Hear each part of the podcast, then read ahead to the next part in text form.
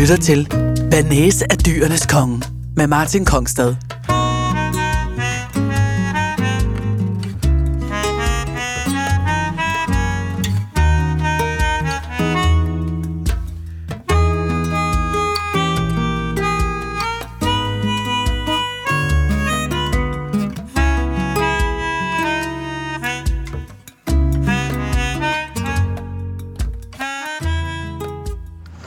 Velkommen til Banæs af Dyrenes Konge.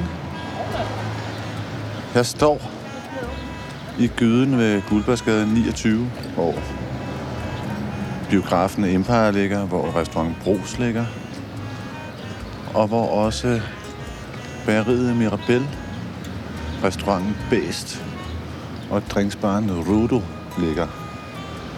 Og det er de tre sidstnævnte, jeg vil koncentrere mig om i første omgang her. For om et øjeblik skal jeg nemlig mødes med ejeren og initiativtageren til de steder, Christian Puglisi. Christian Puglisi er mesterkok. Men han har ikke, synes jeg, haft så travlt med at markedsføre sig som sådan. Gourmet ved måske, at han stiftede og stod bag komfuret på restaurant Relæ i Jægersborgade en restaurant, som i dag har en Michelin-stjerne, og som, da den åbnede, var med til at vende Jægersborggade fra, hvad der tidligere havde været en temmelig udhasset gade, til nu at være en lille gummigade med biscuitfabrik, små chokolade, bikse, veganske hotdogs og naturlig vin. Han åbnede sidenhen restauranten Manfreds lige over for Relæ. Og er i det hele taget meget initiativrig og god til at lykkes med det, han sætter sig for. Jeg ved ikke rigtig, hvad dagens podcast kommer til at handle om. Ja, selvfølgelig kommer til at handle om Christian Polisi. Men hvad vi skal tale om, ligger ikke helt klart. Men vi har dog en lille aftale om, at vi som udgangspunkt går op og ser på produktionen, der ligger her på første sal, lige hvor jeg står. Hvor de, så vidt jeg ved, laver frisk mozzarella.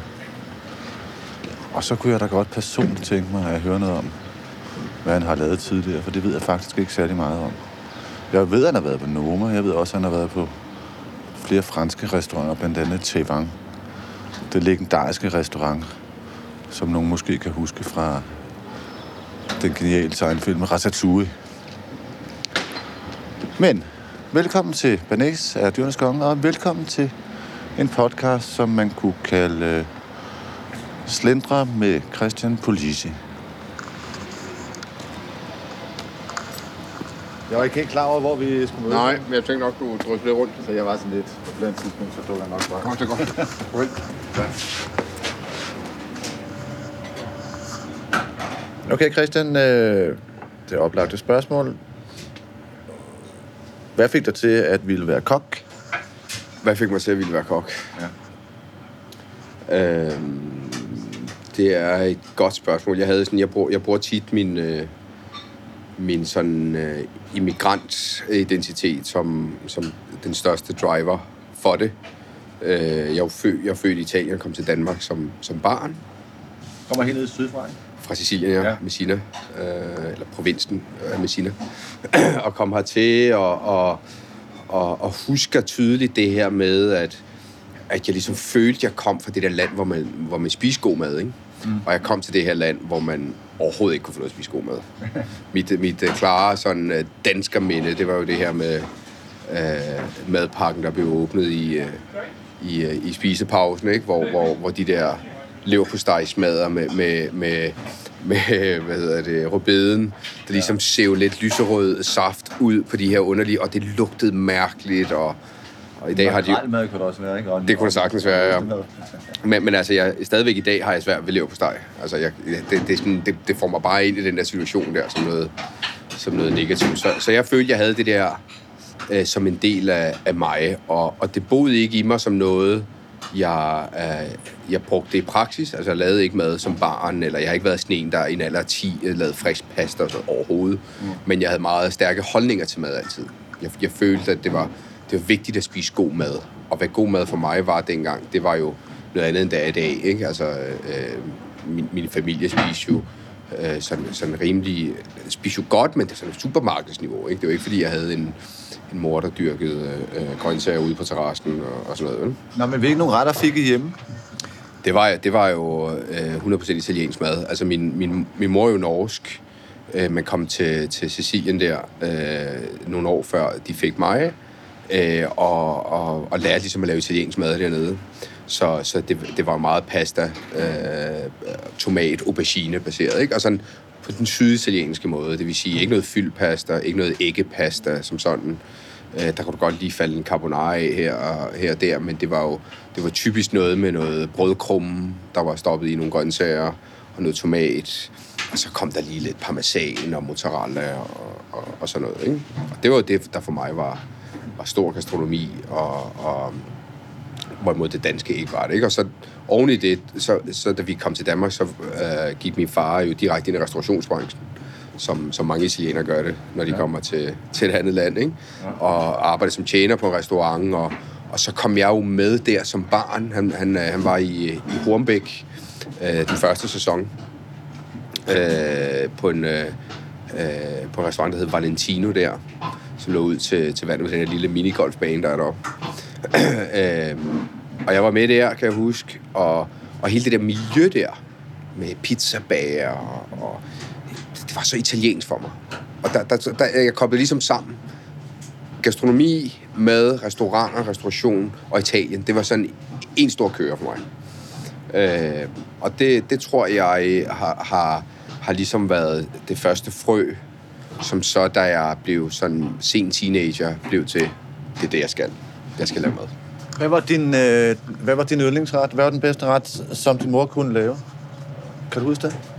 Altså, øh, øh, der, der har været varianter lidt af det samme, men, men sådan ting som, øh, som hvis, jeg tager, hvis jeg tager på Sicilien øh, i morgen, så vil min faster øh, gå i gang med at lave det øh, fra, fra morgenstunden af. Det er sådan nogle fyldte auberginer, hvor man ligesom tager auberginerne, skærer, skærer toppen af og ligesom udhuler dem, fjerner al indmaden, og så tager man den her indmad og, og, og steger det med lidt øh, øh løg og hvidløg. Nu kommer der nogle stykker skinke i og tomat og masser af rasp. Rigtig meget rasp. Der er rasp i alt mad dernede. Og så bliver det ligesom stoppet tilbage ind i auberginen, den her, den her fyld. Låget, øh, hvis man forestiller sig toppen, altså selve stænglen, den bliver ligesom skrællet lidt.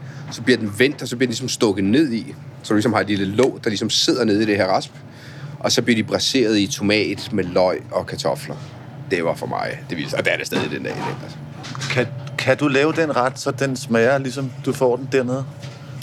Øh, nej, det kan, jeg, det kan jeg sgu nok ikke. Altså, fordi jeg er jo, jeg er jo sådan lidt... Øh, jeg, jeg er jo i går så en begrænset af øh, at, have, at have lavet så meget mad på en anden måde, mm. end den måde, som, man, som bare gør, at man skal hele tiden ændre på noget. Og man skal hele tiden, så jeg har, jeg har, det, det er virkelig noget, hvor, hvor jeg har meget mere gavn af at sætte mig sådan i modtager inden af det, og så, og så, og så mærke min familie og, og det, der ligesom ligger i det, mine rødder, hvor, hvor det bringer mig tilbage til min barndom. Hvis jeg selv laver det, så tror jeg ikke, det bringer mig tilbage til min barndom. Så får jeg et helt andet perspektiv på det. Ja. Så jeg skal så modtage, det er jo en del af det, af, af ens barndomsminder. Det er jo også, hvem er de mennesker, der har været, været en del af det, ikke? Af den oplevelse der. Og der er min faster især, som det var lidt en, en bonusmor for mig dengang, og også min mor med de her ting. Altså, når min mor laver mad, kan jo, kan jo, kan jo, kan jo pege milliard ting ud, som, åh, mor, gør du sådan ikke? Men det er jo sådan, det altid har været. Og, og, og når jeg spiser det, så bringer det mig tilbage til min barndom. Ikke? Og det, det er der en grund til at pille ved. Altså. Nej, nej.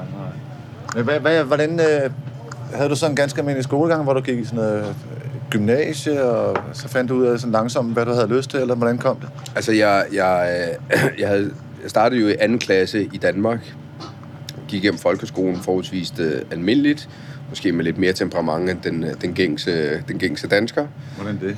Hvad, Bare hissigprop og kastede lidt med en stol på et tidspunkt, og var, sådan, var sådan meget mere konfrontatorisk, tror jeg, end, end, uh, end hvad der måske er standard. Om det har været, fordi at jeg måske har, altså trods alt, uh, det har kostet mig noget, det her med at flytte til et nyt land, uh, ja. på, på en måde, man måske ikke forstår som barn, eller du ved, at der har været nogle aggressioner der, der har boet i mig der. Det, det, det, kan, jeg, kan ikke rigtig finde svar på stadigvæk den dag i dag, men om det bare er noget karakter, der kommer på en anden måde, øh, om, om, det, om det er bare øh, genetisk, at der er lidt mere temperatur i, øh, i, i blodet.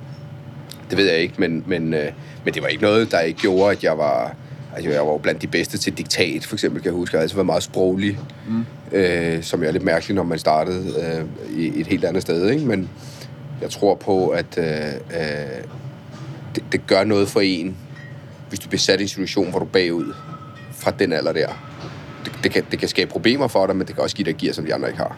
Hvis du skal hale op. Du skal, du skal ind. Du skal have fart på for at være med, ikke? Var, var det den følelse, du havde i dig, altså når du ser tilbage på det nu?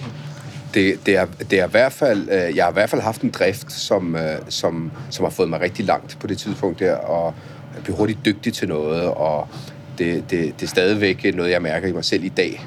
At jeg, når, jeg, når jeg vil noget, så vil jeg det virkelig, virkelig meget. Og så, og så går jeg bare på med det, ikke? Øh, og, og, og det har været en del af min øh, integrationsproces, så at sige, at jeg ligesom skulle, skulle følge med der, og jeg følte aldrig rigtig, at jeg havde svært ved det. Øh, det har også hjulpet, det skal jo siges, det har, jeg tror, det har hjulpet mig enormt meget i forhold til mange, øh, som jeg voksede op med, som var kurder og tyrker og så videre, som, som øh, øh, have, i at have en mor, der var norsk, og jo kunne tale sproget. Altså, hun talte jo dansk til mig. Så når jeg kom hjem, så havde jeg jo nogen, jeg ligesom kunne, kunne prøve det her sprog af med, og jeg kunne ligesom, det kunne ligesom bo i hele min hverdag, og ikke kun, når jeg gik i skole. Ikke? Mm.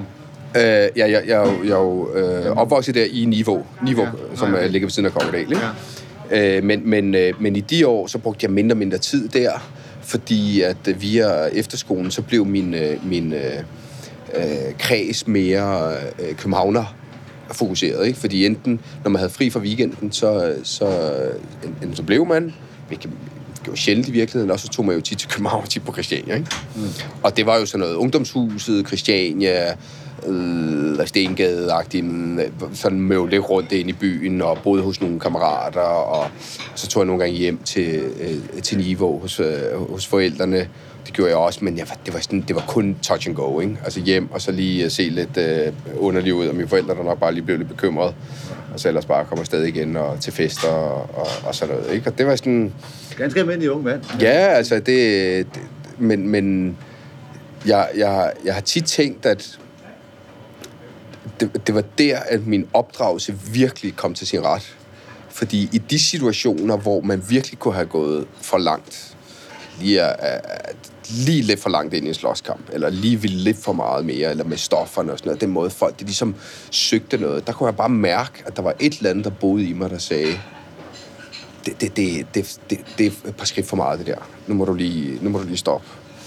Og øh, i den periode, da efterskolen så stoppede, så fik jeg så et job som piccolo på Hotel Phoenix øh, i Bredegade. Øh, og der, der, der gennemfandt jeg restaurationsbranchen lidt jo. Fordi den, den havde jeg som, som minde som barn fra min, fra min far og det her. Og så, og så kan jeg tydeligt huske, at jeg stod nede i kælderen på den restaurant, der hedder Fumplesen, mm-hmm. som den også hed dengang, ja.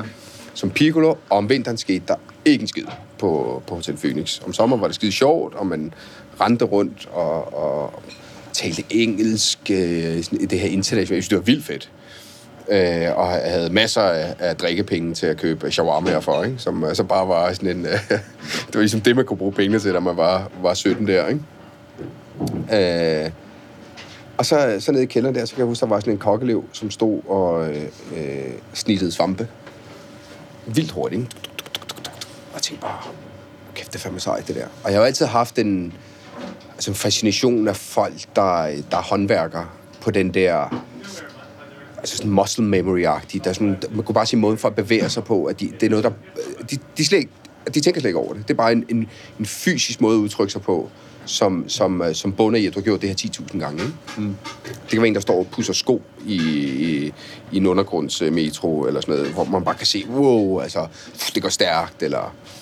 Og det, det så jeg lidt i ham der. Måske var han helt, egentlig heller ikke bedre, men, men jeg så, at der var lidt...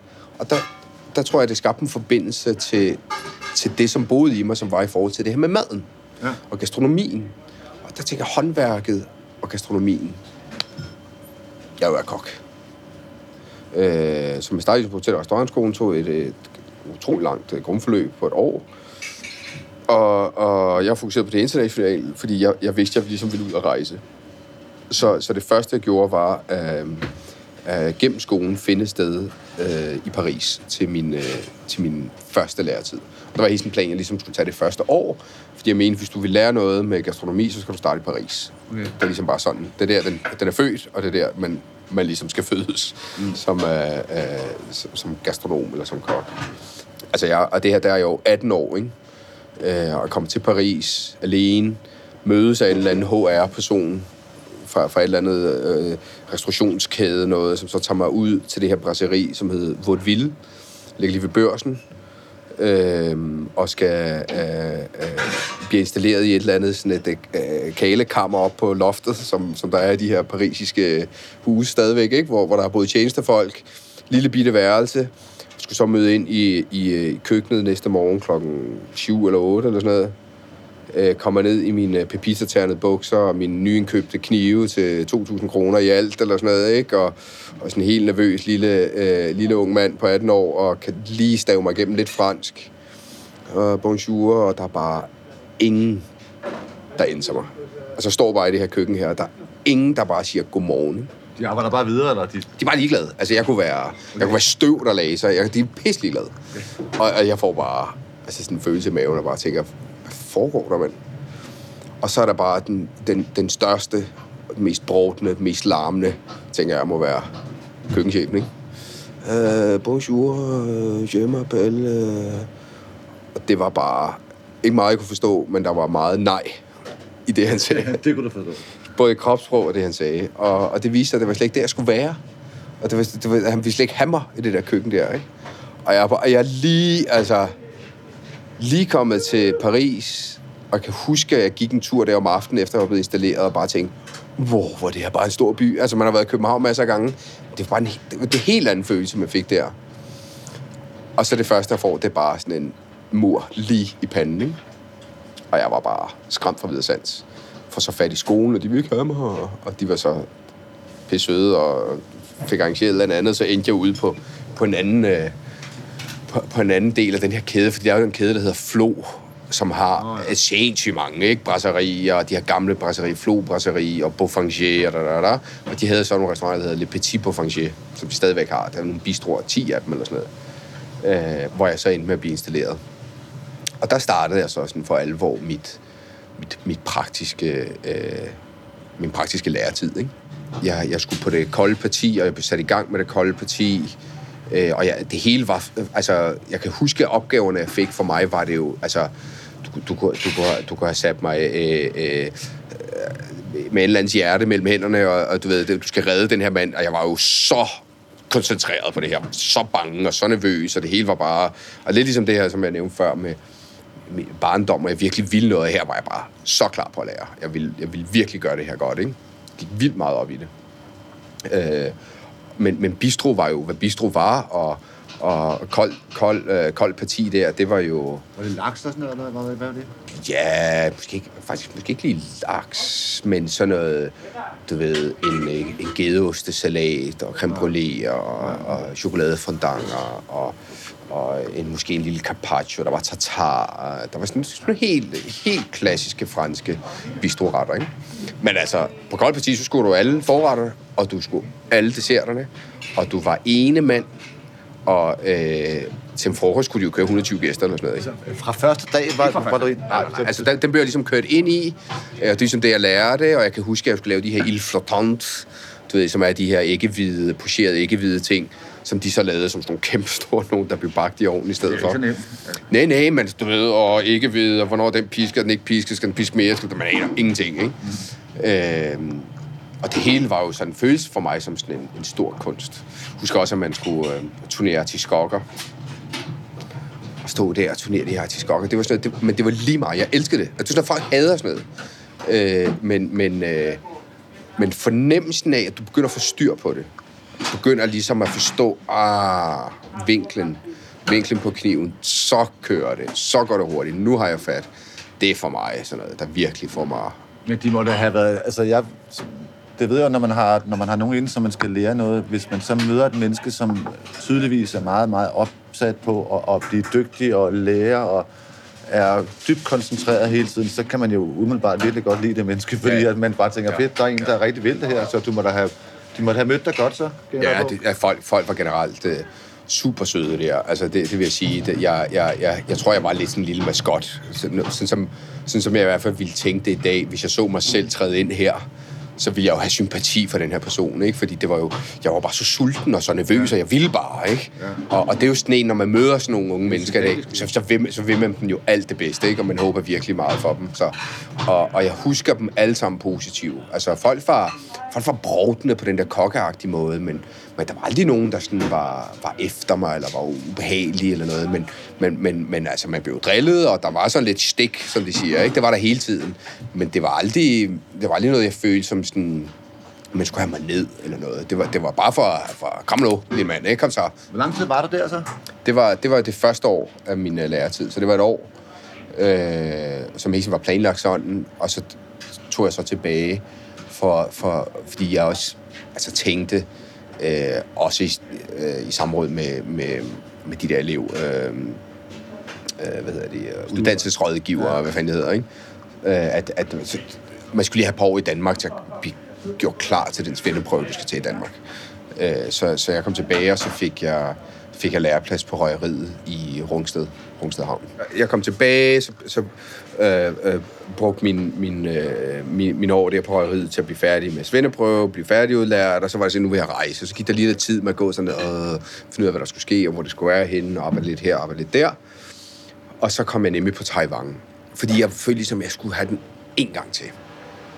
Øh, på det tidspunkt, så havde jeg jo egentlig også mødt en pige, jeg var blevet kæreste. Og hun var noget ældre end mig, og det begyndte at blive sådan lidt farligt. Og jeg var jo 22 eller sådan noget, ikke? Og jeg kunne bare mærke det nu. hvis, jeg, Nu er det enten eller. hvis, jeg, hvis jeg ikke slipper afsted nu, så kommer jeg simpelthen aldrig afsted. Så det var bare, bum, jeg vil, jeg vil til Paris igen. Og så var jeg til Paris, og så ringede jeg til hende og sagde, at vi skulle ikke være kærester mere. Det var sådan en Okay. rigtig, rigtig fej hundagtig måde at gøre det på. Øhm, men men det, var, det var lidt det, der, der, der skulle ske for mig. Hvordan lå de på det tidspunkt? Havde de tre Michelin-stjerner? Ja. Det havde tre, tre stjerner, og, og der, så kan man diskutere, hvorvidt det var fortjent eller ej, men, men, øh, Det var altså et af de helt store steder jo. ja, men, men Taiwan var jo bare øh, meget borget af ham her Vrina, som var ham øh, hosten og ejeren, ikke? som jo, altså de havde kæmpe stor vinkort, en kæmpe stor vinkælder, og så var der det, altså sådan en nærmest tjenernes på agtig type, ikke? som ligesom, Hvordan var han? Prøv at fortælle, hvordan han så ud. Altså, jeg, jeg, jeg, jeg tror, jeg så ham to gange i al min tid der, Okay, ikke? okay. Øh, men men du, vi taler om en, en, sådan en... Hvis du forestiller dig Jacques Chirac, en lidt tyndere øh, variant, lidt mere gråhåret, med en lang næse, og sådan lidt mere bohemagtig selvfølgelig tøj. Ikke, ikke, ikke majestætisk som, som, en, øh, som en øh, præsident, men sådan lidt mere måske en, mere en, en bordeaux-farvet øh, blazer på, eller sådan noget. Så lidt mere øh, sådan... Øh, øh, altså, bedre forbundet med, hvad det vil sige at, at nyde livet med vin og, og, og god mad, ikke? Og, og han fik jo, altså, der blev lavet mad til ham hver frokost, af menuen Han sad jo spiste i restauranten hele tiden. Så, så det var, sådan, han, var, han var virkelig en, en, en, en særlig person. Og det passer ikke, at jeg ham to gange. Nogle gange var han lige inde i køkkenet, men det var ikke...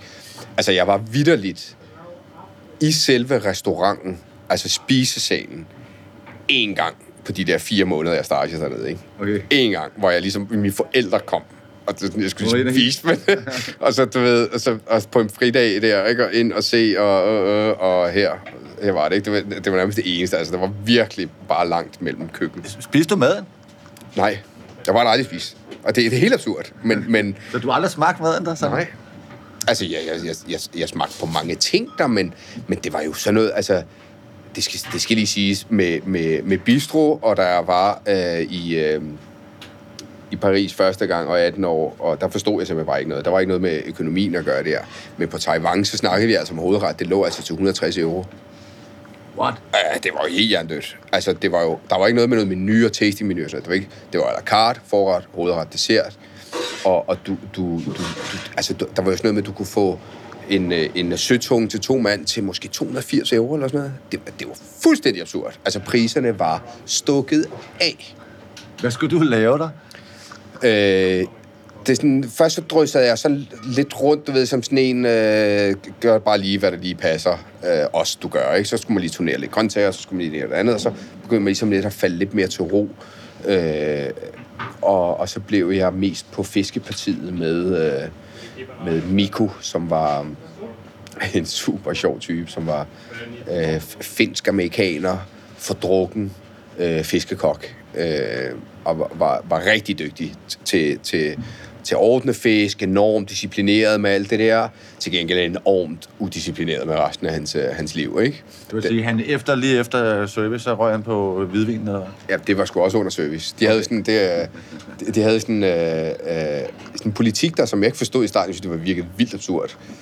Øh, at øh, når, når man mødte ind, så skrev man en liste øh, til Economar, altså øh, tørvalæret. Og det var en af tjenerne, der, der, der, der stod for det. Og så skrev man, når man skal bruge et kilo sukker, da, og en flaske whisky, eller en flaske hvidvin, eller to flasker hvidvin. Og det gik de sådan... Whisky sauce. de, de gik og spekulerede i det, fordi de sådan, sådan bestilte en lille smule for meget. Men hvis de bestilte...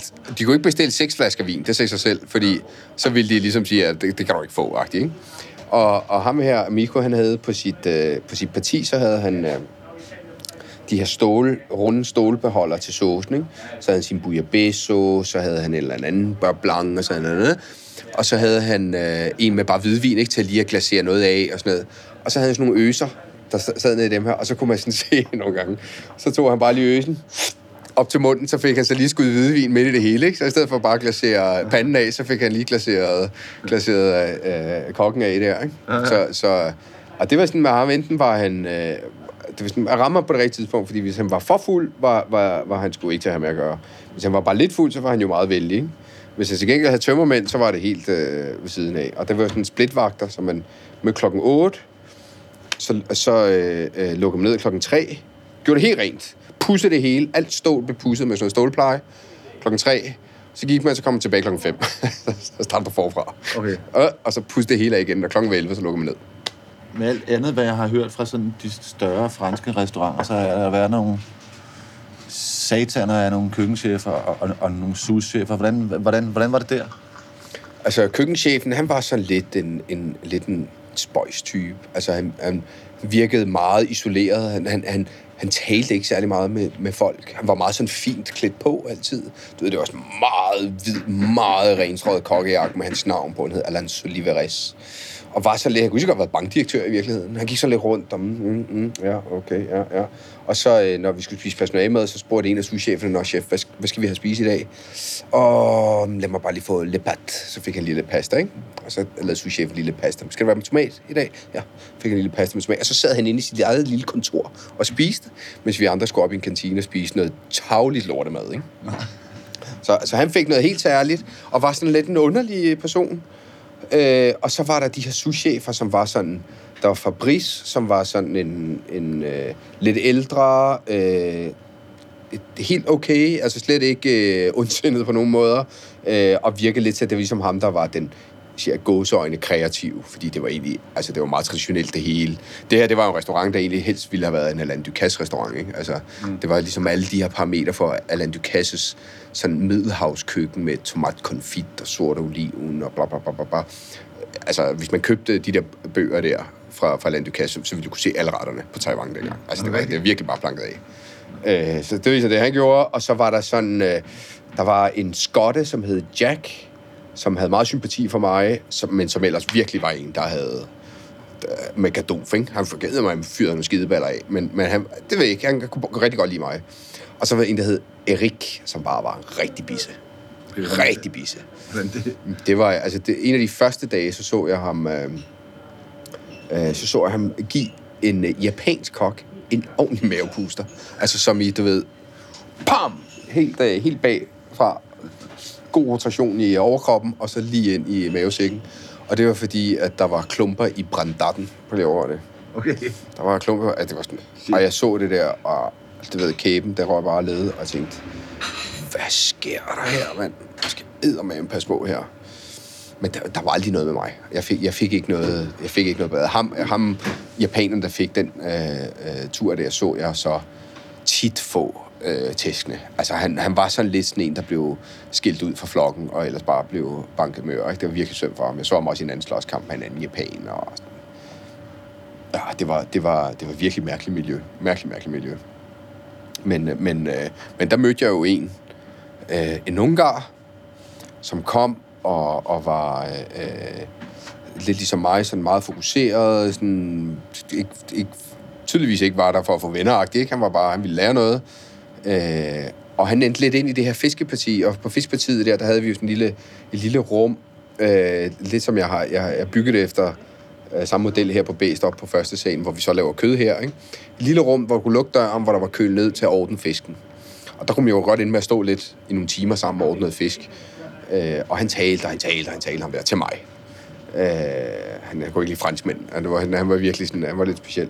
Og han blev ved med at tale om El Bulli. Det kan være svært at få noget ordentligt at spise som kok. Når service slutter, er alle de andre også lukket. Og på fridagene, søndag og mandag har de gode steder med få undtagelser lukket. For et par år siden besluttede Ricardo Marcon, daværende chef sommelier på Michelin-stjernet 108, at gøre noget ved det og lave en restaurant, som har længere åbent. Onsdag, torsdag og lørdag kan man bestille bord helt frem til klokken halv et om natten, og fredag lægger de en ekstra time på kokkens schema og tager imod sidste bestilling klokken halv to. Som markant sommelier på 108 havde Macron mødt store dele af den københavnske restaurantverden, og de kokker og tjenere, han endnu ikke kendte, dem kender han nu. For Baraba, som restauranten i Store Kongensgade hedder, er blevet branchens mødested efter service. Dertil kommer, at restaurantens ry er vokset med gode anmeldelser, og mund til mund blandt gammelsultne foodies, som stræber efter mad med højere gastronomisk niveau end de traditionelle københavnske nattilbud. Vita på den anden side af gaden med and og sovs, eller svedige bøffer på Rio Bravo. Dette år har også Michelin fået øje på Baraba. I den nyeste version af guiden har man tildelt stedet en bib gourmand, et symbol, som betyder ekstraordinært god sammenhæng mellem pris og kvalitet, og det synes jeg skulle komme an på en prøve. Jeg havde bestilt bord efter aftenkamp i parken, og jeg glædede mig særligt til to ting. Markong har fuld skæg, tatoveringer en masse og en fortid som vinansvarlig på 108, så selvfølgelig har han styr på de ikke svoglede vine. Vinkortet er berømmet for sit skarpe udbud af moderne vin. Søren Frank har flere af vinene med i sin chant, og jeg besluttede selvfølgelig at lade dem bestemme, hvad jeg skulle have at drikke. Desuden havde jeg fra pålidelig kilde, ja, det er den vågne byguide mig og kbh.dk, hørt, at deres ravioli med flydende parmesan skulle være en af byens hæftigste retter. Ifølge à la carte kortet på nettet var den stadig tilgængelig. Det var torsdag, og der var akkurat så velbesøgt, som man må forvente på en nyudnævnt Bib Gourmand restaurant. Jeg fik bord i hjørnet, og der gik en halv time, før jeg havde dannet mig en mening om indretningen. Restauranten er todelt. Jeg sad i det forholdsvis lille lokale mod gaden. Længere inde var en lang bar, og for enden af den et større og mere højloftet rum, forbundet med det åbne køkken. Fine stenfliser, borer i marmor, mørkebrune bodegastole, et stort hvidt vitrineskab med planter i generiske urtepotter, og bag dette et kitschet tapet. Lamper på væggen i noget, der ligner Murano-glas, og tre store lysekroner i samme stil. Min farmor ville have ment, at der ikke var højloftet nok til lysekroner, men hun er jo død for længe siden. Og så var der de rustrøde vægge mod røde velurgardiner, en farvekombination, som enten betød, at de var blottet for æstetisk sans, eller at de var så stilsikre, at de turde udfordre gældende uskrevne regler for god smag. På væggen over for baren hang plakater for Naturvinstræf og Copenhagen, og det må være første gang, at Heavy Festivalen og Michelin mødes. De spillede for øvrigt næsten udelukkende 70'er rock, og jeg indtog min plads til tonerne af Love is the Drug med Roxy Music, et af de mest cool numre i rockhistorien. Brian Ferry med tung pandelok, navy skjorte og slips stukket ind mellem anden og tredje knap. Jeg interviewede ham først i 90'erne, og husker særligt, at han havde tennissokker på, og at han med stolthed fortalte, at han selv var begyndt at ringe efter gartneren. Så vidt jeg kan regne ud, så må El Bulli have været øh, figureret som verdens bedste restaurant på det der tidspunkt. Ikke? Ja. Så du har ikke have været den eneste kok fra verden, der gerne ville arbejde i deres køkken. Hvordan foregår det så? Hvordan, hvordan gør man? Hvordan kom du ind i det ja. køkken? Altså, øh, havde det ikke været, fordi jeg mødte ham her, Mark, øh, i, i Paris, som havde været der og havde en direkte kontakt til Albert Raurik, som var køkkenchef på det tidspunkt, og som i dag har Dos Palillos i Barcelona, øh, så, øh, så tror jeg simpelthen bare, at det var sket. Altså, fordi hvis du, de havde jo, jeg ved ikke, mange tusinder ansøgere. Ja. Øh, Og folk ville give penge for at være der. Ja, det er nok, det er nok ikke meget galt. Det er nok ikke meget galt. Men, men uh, der er i hvert fald ingen tvivl om, at du ikke vil få løn for at være der. uh, men, men Mark havde... Uh, han, han, han, var, han var virkelig uh, min store ambassadør. Uh, altså, han, han havde meget sympati for mig, og han ville rigtig gerne have mig... Uh, sådan, jeg, tror, jeg tror måske, det handlede om, at han ville, han ville vise, at han havde ret. Altså, fordi han blev ved med at fortælle mig om, hvor fedt ja, ja. det var, ikke? Og du skal, du skal derned, du skal derned, du skal se det, og sådan ja, mm, ja, okay, okay, jeg vil, det vil jeg gerne. Og så gjorde han en stor indsats for at få- det til at lykkes. Og han mente, at jeg skulle ned og arbejde dernede, og ikke stage. Men, men jeg tror, i de år skete der rigtig meget for Bulli, så de var lidt nået til, at det, det kan man lidt bare glemme. Altså, du tager lige et år gratis, lige meget hvem fanden du er, og så, og så kan man finde ud af det derfra, ikke? Så, så øh, øh, du ved, han var sådan lidt, skriv mail til ham her, og send din ansøgning, og så, så skal vi nok få det til at lykkes. Og det gjorde jeg, og jeg kom hjem fra Paris, og ligesom gik og ventede på det her, ikke? Jeg arbejdede lidt her, arbejdede lidt der, men sådan var jeg sådan lidt sådan en, man ikke rigtig kunne bruge til en skid, for jeg ville ikke engagere mig i noget, fordi jeg skulle afsted igen, ikke? Jeg gik og ventede og ventede og ventede, og så pludselig kom der mail. Du er en, en del af, af holdet, og jeg var bare, wow, det vildeste. Vildeste, vildeste, vildeste, vildeste. Og jeg følte virkelig, du ved, altså det var FC Barcelona. Jeg var, det var ligesom Braithwaite her. Ja, ja, ja. du ved, ud af det blå, bare lige pludselig, du føler, at du bare kan komme på, på, på start 11 på, på verdens bedste fodboldhold. Ikke? Det var sådan, det, jeg kunne forstå det. Jeg var så tændt, ikke? Øh, pakket sydfrugt, det tog afsted. Øh, der var så også bolig øh, med. Der var kost og logi, eller hvert fald logi. Øh, Men altså, øh, gratis arbejde, det er vi enige om. Ja, ja, ja. Det var som, det var som uh, volontør uh, for, de her, for den her sæson, som jo er en, lige, lige over 8 måneder eller sådan noget, ikke? Startede i april, tror jeg det var, indtil oktober engang eller sådan noget. Uh, fra, fra marts til oktober, tror jeg. Men uh, tog så derned, og du ved, tog til Rosas der, som ligger nord for, for Barcelona, den her lille flække, og, og, og tj- tjekkede ind et eller andet sted. Øh, og tog derned dagen før, for at køre op og se, hvor det var, så jeg vidste, hvor langt der var til dagen efter. Og sådan, altså, jeg gik op i det, ikke? Forberedt. Ja. Øh, og kom så derop, og øh, øh, du ved, det der, det er jo mærkeligt. Altså, man havde jo bare, man havde sådan, man følte ligesom, wow, altså, hvad, hvad kommer til at foregå her, ikke? Det bliver jo sindssygt. Og, og så kan jeg huske uh, tydeligt, at vi stod sådan og ventede, de fleste af de her volontører var ligesom dukket op, og folk havde ligesom deres kufferter med, og, og, og sådan nogle ting. Så, øh, så kom Ferran der rundt hjørnet og begyndte at komme ned ad bakken, sammen med nogle andre, ikke? Så så hun bare Ferran Adria komme kom gående ned til en, og bare tænkte, åh, det er bare Jesus Kristus, der bare kommer, kommer gående der, ikke? Den absolut mest øh, omtalte kok på det tidspunkt, ubetinget, ikke?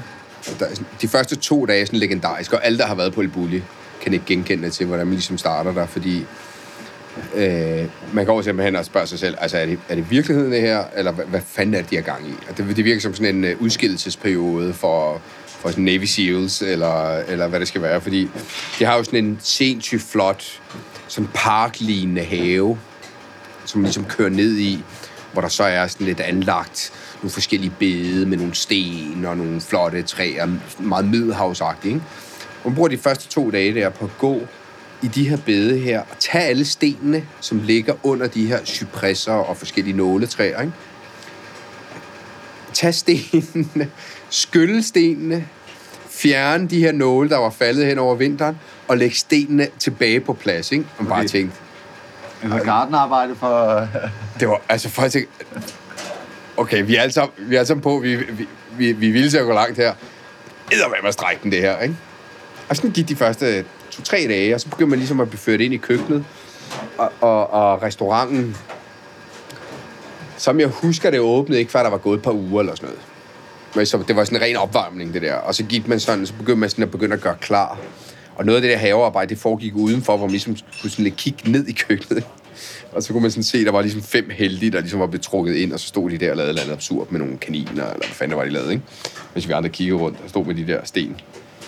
Øhm, og så begyndte man ligesom at ført det ind, og så begyndte den her, den her arbejdsmetode ligesom at, at, at vise sig, øh, hvor jeg ligesom det tidspunkt forstod jeg måske ikke så meget af det, men, men sidenhen har jeg kunnet se, hvordan det var, de har grebet det an, også i forhold til, når man kom fra det klassiske franske køkken, hvor du har, øh, vi skal vi kalde det, afdelinger, ikke? Hvor, du, hvor du har et parti, hvor du, der er en, der står for fisk og arbejder med fisk, ordner fisk og steger fisk, og der er en anden, der står for saucer og gør det. Øh, her så var det sådan lidt som om, at at man ligesom havde skilt hoved og krop ad. Altså, du havde jo det her food lab, der ligesom kørte hen over vinteren, hvor de var en lille håndfuld, der gik og tænkte sig frem til de mest absurde ting, man skulle lave i løbet af året. Og så begyndte de ligesom at implementere det som retter. Men kokkene i køkkenet forlangt størsteparten, største pulje af mennesker, hvor alle volontørerne var imellem, de lavede jo simpelthen sådan nogle mest, de mest absurde ting, fordi du virkelig bare skulle have rigtig meget håndkraft til at drive de her ting frem. Ikke? Så vi kan sige, afdelinger og partierne var jo lidt nogle... Det var, meget mindre komplicerede ting, de i virkeligheden skulle lave. Det var noget med, var det her af, var det her i bøtter, da, da, da, da. hvis du var på fiskeparti der, var der jo ikke ret meget fisk, der var. Altså, der var ikke noget fisk, der skulle ordnes eller skæres ud, eller noget. Det kan være, der var en eller anden fiskefong, som en kok, der lavede til en eller anden varm gelé, eller sådan noget, ikke? Og, og som chef de parti, så kan det være, at det var dig, der skulle tælle, hvor mange, hvor mange stykker varm gelé du havde. Det var jo ikke, at du skulle stå over den fisk eller noget. Ikke? Og så var der det her, øh, det her bord i midten af, af køkkenet, hvor vi jo stod 15, 14, 20 mand, alt efter hvad det var, og, og lavede det sådan den grove øh, øh, opbakning, klargøring, men også de her absurde ting. Ikke? Så, kunne det, så kunne det være, at, at der var en ret på, for eksempel, som var en risotto af, øh, squash-kerner, ikke? Så, så man tog squash eller zucchini og kogte dem sønder sammen. Og så øh, øh, stod der en nede for enden og skar dem i 10 cm stykker. Og så åbnede man dem. Hvis du, sådan, hvis du koger sådan en squash helt fra hinanden, så det eneste, der egentlig stadig hænger sammen, det er ligesom den der kerne indeni, hvor alle frøene sidder. Ikke? Så hævde man det ligesom fra hinanden, og så stod vi der på ræd række med små skåle med lunken vand. Og så tog man den her 10 cm kerne fra inden i en udkogt squash, stak den ned i, i skålen med vand, og med forsigtigt tryk mellem din tommelfinger og pegefinger, skød de her små frø ud i vandet. Blop, blop, blop, blop, blop, blop, blop. Og det brugte man jo halvanden, to timer på. Og det var man jo 15-16 mand, der skulle gøre, men det var jo 45 gram squashfrø per person til en ret til 52 mennesker. Ikke? Okay, ja. Det var, det var, og det, altså på den ene side var jeg bare sådan, okay, det er det simpelthen det vildeste, jeg nogensinde har gjort. På den anden side tænkte man også hurtigt, det er også det mest absurde, jeg nogensinde har stået og lavet, ikke? ja. Øh, Hvor, Ja. mange veje, hvor mange veje stod I i det køkken, cirka? i alt, i, alt i, i køkkenet var der en, en 40 mand, eller sådan noget, 50 mand. Virkelig mange. Virkelig, virkelig mange. Men, men igen, det er jo båret af, at, at man skal lave de her arbejdsopgaver, som er absurd, ikke? Altså, det kræver så meget arbejdskraft. Der var også en, der var pinje, altså, pinjekerner kommer jo af en pinje, altså det er en kogle, ikke? Det er en grænkogle. Og der fik de dem i en en meget kort periode, hvor de var helt nye. Ligesom du kan, du kan få nye, friske mandler eller hasnødder, ikke? Friske pinjekerner. Problemet er bare, at det er fuldstændig umuligt at få de her pinjekerner ud, når de er friske. Så du har jo, hvis du forestiller dig en stor grænkogle som, med masser af harpiks og sådan noget på, som man sådan prøver at knuse ud til nogle lidt mindre, enormt træagtige øh, segmenter, som du så ligesom skal knække lidt, ligesom en nød med nødknækker. Og så inden, midterst inde i den her, der er et lille riskorn, som er glasklart, som er den her friske pinjekerne. Ikke? Hvis du trykker for hårdt, så knækker den. Hvis du, hvis, du, hvis du ikke trykker hårdt nok, så får du den ikke op. Når du så ligesom har fået et lille knæk, så skal du ligesom dele den i to, og så hiver du det her lille riskorn ud. Ikke? Det tog så mange timer, og, og, og det var også sådan noget... Jeg vil sige, der var 30 gram, men det var, det var, det var noget, der måske kunne være til 10-12 gæster hver aften. Der, der var simpelthen ikke nok til, at man kunne, man kunne, øh, man kunne lave det til alle. Ikke? Smagte du nogensinde den ret? Jeg smagte aldrig retten. Nej. Det var jo sådan, øh, på første dag, så siger, så siger så siger Ferran i sådan en tale, at øh, jordbær, det smager godt. Men hvis 45 mand de skal spise jordbær, så er der for mange jordbær. Så I skal ikke spise af det, I står og laver. Det vil sige, man står der dag ud og dag ind, ikke? med alle de her onde ting.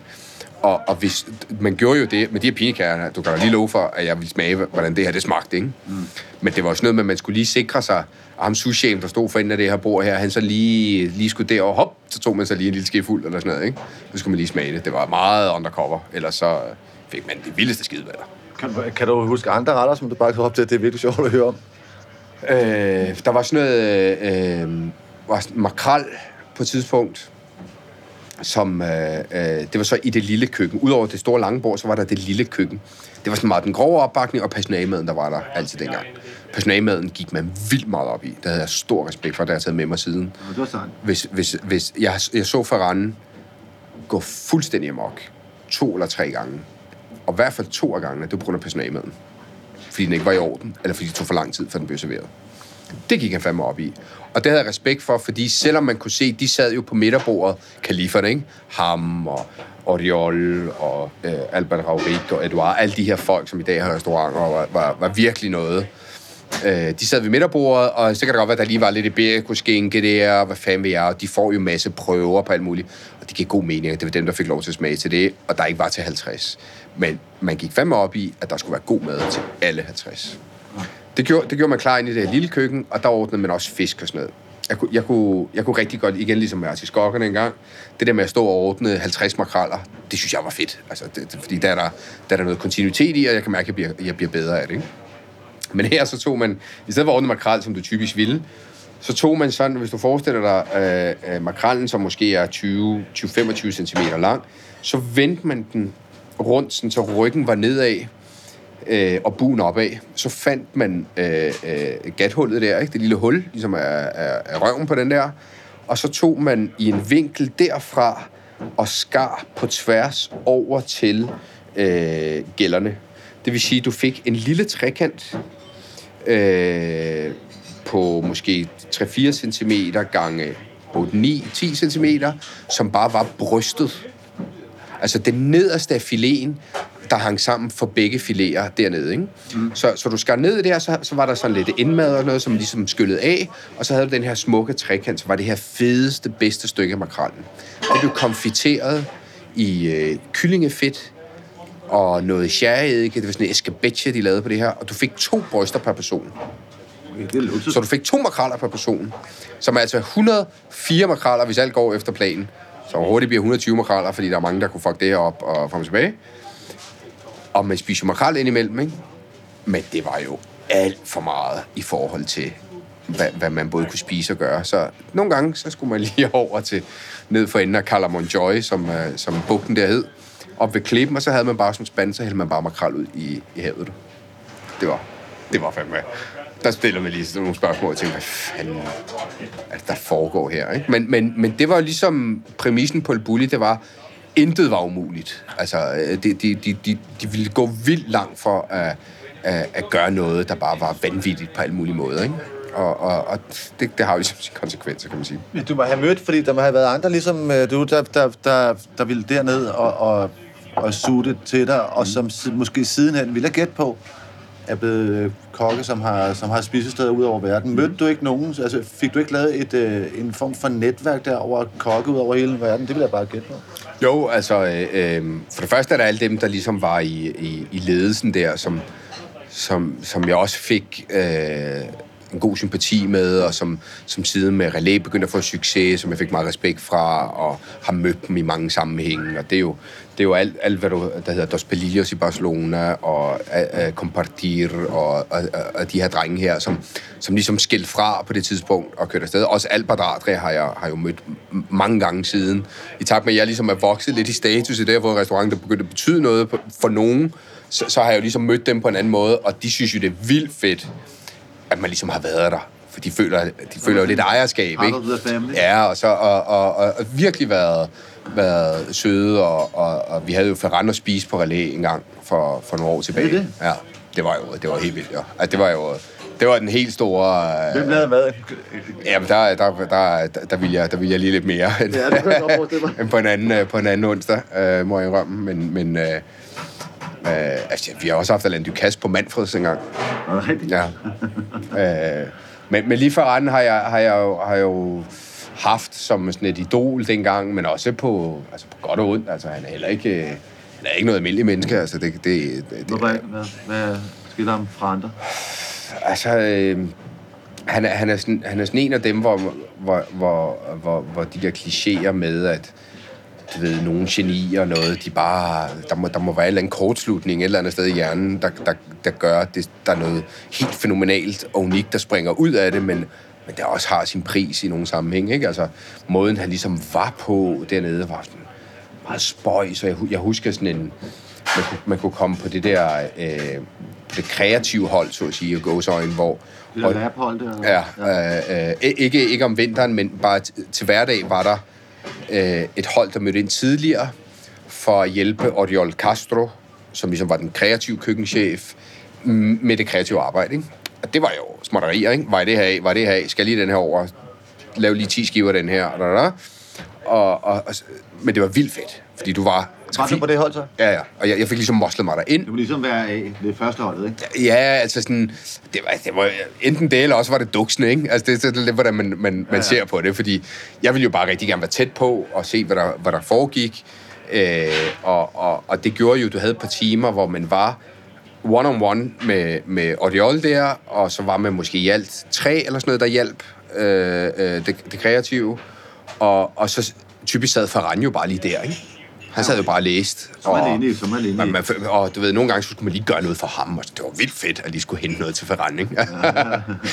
men men øh, øh, jeg, jeg, kan huske, jeg kan huske, at jeg oplevede, at, at jeg synes, jeg, tror, man skulle starte med at vaske gulvet af en eller anden fuldstændig absurd grund, men man startede med ligesom at gøre rent, og så kan jeg huske, at jeg stod der ligesom og moppede gulvet, ikke? Og på, i El køkken, i selve det store køkken, som jo er, altså, er jo, det ligner rumskib, ikke? Og så kan jeg bare huske, at Ferran, han ligesom træder ind i det der. Og jeg står der og mopper det her gulv her, og så bare siger, Buenos dias. Og han svarer bare ikke. Så kigger jeg bare på ham, går bare lige ud, ikke? Og bare tænker, okay.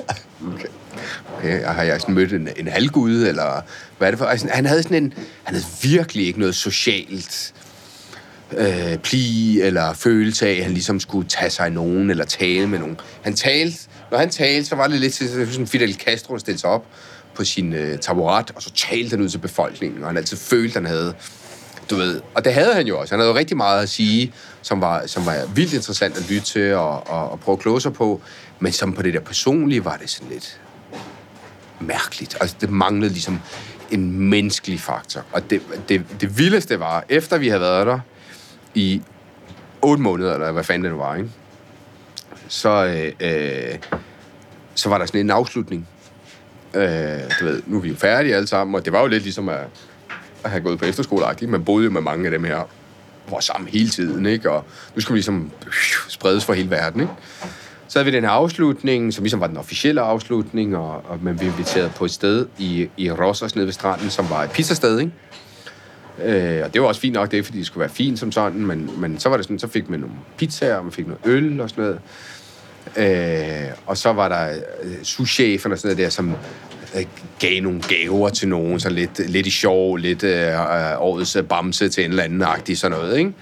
Og så øh, øh, Ferran, han sad sådan ved et, ved et 4-5-mands bord med måske hans, hans, hans kæreste der, sådan lidt en, en, en sjov uh, midaldrende kvinde, og, og nogle venner, som, som ikke rigtig havde noget, altså, vi, vi, jeg, det var i hvert fald ikke nogen, jeg havde set før. Jeg ved ikke rigtig, hvad de havde med noget at gøre.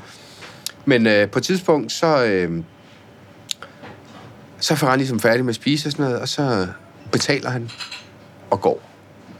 Men han betaler for de fire mand, der sidder ved det bord der. Okay.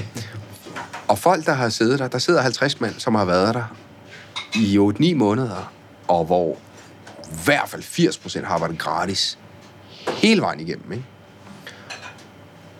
Og pizzaen og øllen, den betaler du bare for selv, du, mester. Så meget for det. Og, ja, og vi var jo, vi måbede. Var sådan, what? Det er fandme vildt, mand. Og, og i hans verden, tænker jeg, så handlede det om, at vi skulle nærmest takke ham, for at vi havde været der. Mm. Det var sådan, han, han så det, ikke? Kendte han navnet på dig? Øh, det tror jeg, det tror jeg, fordi øh, jo mere var det her øh, kreativ, så var der jo ligesom, ikke? Og så, og så blev jeg omtalt. Og så, og så fordi da, jeg, da vi nåede mod enden, øh, så var det lidt, hvad skal man agtigt? Og der ville jeg lidt tilbage til det klassiske igen. Fordi nu havde jeg, nu havde jeg set det her, og, og jeg havde virkelig brug for at se et stykke fisk blive stegt, og en sauce, der bare smager godt, og noget smør, der bliver kommet i noget, og noget bare sådan, jeg kan forholde mig til, ikke? Altså, sådan, man har sådan, åh, det er lidt ligesom, hvis man har været ude at rejse, og du bare har kørt dig gennem lufthavn og sådan noget. Du ved, når du kommer hjem, og du bare skal have noget mad. Altså, for alt det der lort, du har spist i, mm. i, i de sidste 48 timer, det, det, det, det, tilfredsstiller ikke en del af en selv, ikke? Og der, der er et eller andet, der mangler. Sådan jeg havde det sådan på professionelt niveau, hvor jeg, sådan, jeg havde ligesom brug for at se noget håndværk i en eller anden sammenhæng. Så jeg ville på Michel Bras, øh, og du ved, Sebastian Bra havde været der, og spise, og det, det, det. Og så spørger jeg Albert Raurik, der var køkkenchef, kan du hjælpe mig? Jeg vil gerne på Michel Bra. Jeg skal se, hvad jeg kan gøre. Jeg er gode venner med Sebastian, som er Michel Bras søn, ikke, der var køkkenchef Og Og fra tilbage, og så tog han fat i mig, og så siger han, om jeg har snakket med dem og sådan noget, og det bliver lidt svært lige nu. Men jeg har også snakket med Ferran, og jeg kan godt lide dig, og Ferran kan også godt lide dig, og vi vil gerne have dig her som chef de parti næste år. Åh, oh, det var da noget. Det var jo en kæmpe øh, kado, så jeg må, øh, jeg må have vidst, jeg eksisterede i hvert fald, ikke? Ja, ja. Og jeg var sådan, wow, det vil jeg lige tænke over. Øh, og så sagde jeg sgu nej. Nej, rigtigt. Ja. det er jo meget bedre at kunne sige. Ja, altså, øh, og det var, det var, jeg har simpelthen bare fået for meget, altså, øh, på, på den, det var bare for mærkeligt. Altså, det var sådan, jeg kunne ikke, øh, jeg, jeg synes, jeg havde fået så meget ud af det. Jeg følte virkelig fik meget ud af det, og jeg følte, der var rigtig mange, der overhovedet ikke fik det samme ud af det, som jeg gjorde. Men jeg så det lidt ligesom, altså hvis du går på universitetet, jamen, så, så kan du gribe det an på den ene og på den anden måde. Ikke? Du kan bare shufte dig lidt igennem, og jeg kan få en skid af det. Og så kan du bare gå all in og virkelig fordybe dig. Og jeg gik all in, og jeg fik rigtig meget ud af det, og jeg fik en masse kontakter, og jeg fik en forståelse for den der måde, de arbejdede på, som jeg synes var vildt interessant. Ikke? Altså også den måde, som, som, de, som de tænkte retterne på, fordi det er jo det, der er det syde, ikke? Det der med, hvordan de finder på det. 100 procent. Og det var, det var noget, man fik gennem ham her, uh, Oriol, som jo var altså, virkelig et geni, og virkelig, wow, han tænkte bare nogle vilde ting, og måden, de ligesom beskrev nogle idéer på, og, og på et tidspunkt, det var, det var rigtig fedt, der var øhm, øh, køkkenchefen fra Charlie Trotters i Chicago, var der at spise, ikke?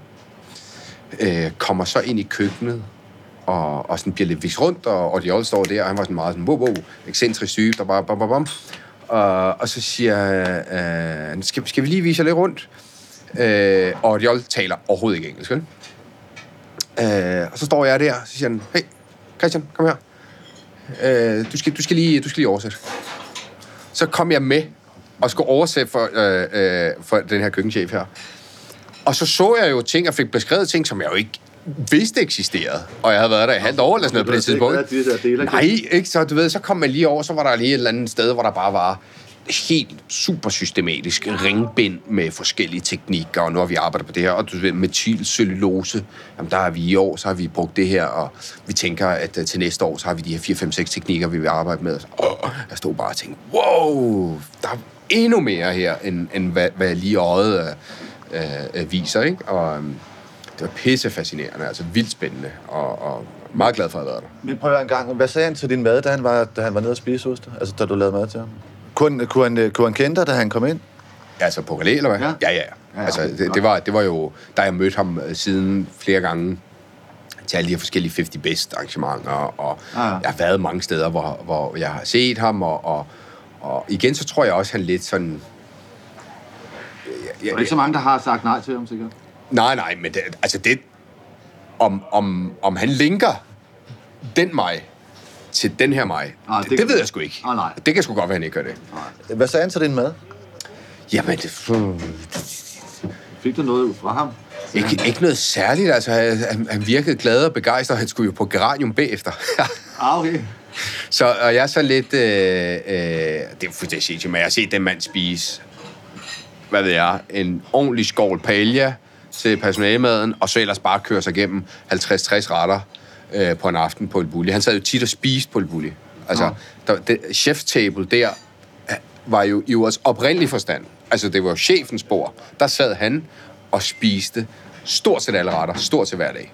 Var det? Ja, ja. Han sad bare og kørte sig igennem dem hele tiden. Og så justerede lidt ind, og så skal vi lige, og så skulle vi lige fjerne noget. Det der, det var noget lort nu, og nu skal vi gøre noget andet. Og simpelthen bare have sådan uh, check på Han sit tog, eget han, han havde virkelig... At han viste mig måske i virkeligheden dengang, det som jeg manglede, da jeg var i, øh, i, øh, i Paris, ikke? Jeg så jo manden konceptualisere noget, tænke noget, gøre noget, og så sætte sig i situationen mm. og spise det og modtage det. Mm. Mm, og forstå, hvorvidt det var godt eller skidt, hvorvidt det, hvorvidt det, hvorvidt det fangede den idé, han måske havde haft. Ikke? Ja, ja. Det, det betød rigtig meget for mig dengang. Øh, men, men der har jeg jo set ham sidde og kværne sig igennem utrolig meget mad. Altså, var bare tænkt, lidt klamt i virkeligheden, ikke? Mm. Øh, og, og da han så øh, havde booket på, på relæ, øh, Til aftensmad. yes, klokken 5, ikke? Sådan noget 5, 17, 17.30. Øh, og jeg vidste, at de skulle på Garanium bagefter. Lige bagefter. Samme aften. Ja, ja. Så, så, og så var jeg sådan lidt... Øh, det, for mig er det vigtigt, at man, at man, man giver folk muligheden for at få oplevelsen lidt, som de vil have den. Altså, det er derfor på relæ bliver der ved med at være fire retter også som mulighed. Fordi det der med, at man bare skal stå der som kok og bare øh, eller spille den af ud over folk i 50-60 retter, om du så vil det eller ej, det er bare for meget. Altså, nogle gange skal det være okay, og man skal kunne begrænse sig til at sige, okay, vi laver bare et par af de retter, vi bedst vil, og så, så, så får du det, hvis det er det, ikke? Så, så jeg mødte ham ligesom med den der, skal vi bare lige, du ved, Skal vi bare lave lidt? du ved, så laver jeg, nå, nå, nå, nå, nå, dotter, dotter. Okay. Ja, var det hele. Okay. Så væltede vi ham bare ind i ja, 7-10 retter eller sådan noget der. Og han, Okay. han var jo han, han var begejstret og viste, mm, mm, jeg har jo set ham, han har sådan en underlig måde at gestikulere på, og måde at, og han var meget begejstret, og synes det var vildt fedt, og vi viste ham så lidt rundt. Og så, så, så viste vi ham sådan lidt, der var jo ikke særlig meget at se på, Nej, på, hvad det på meget. men så gik vi jo på Manfred, så lige så det, og der havde vi jo en kælder nede under, hvor vi havde vin og sådan noget, og han, han, han havde en, øh, en eller anden med, som havde stor interesse for vin. Det var lidt sådan, det, at det der, det kunne få ben at gå på, ikke? Og det fede var, det glemmer jeg aldrig, det var måske det fedeste ved den oplevelse. Da vi går på Manfreds, og jeg sjosker ind med Ferran bag mig, ikke?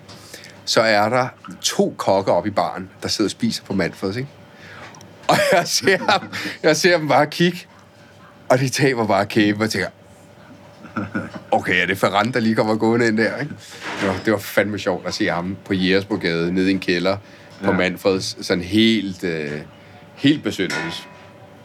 Ja, men han var, han, var, han, var, han var positiv, han var glad, og så tog han på geranium, og så var, han, så var han ligesom videre der, ikke? Så Ja, fik ja. han så nok lige 30 retter der. Jeg ved ikke, hvordan fanden han overlever det, men det han. Sindssygt.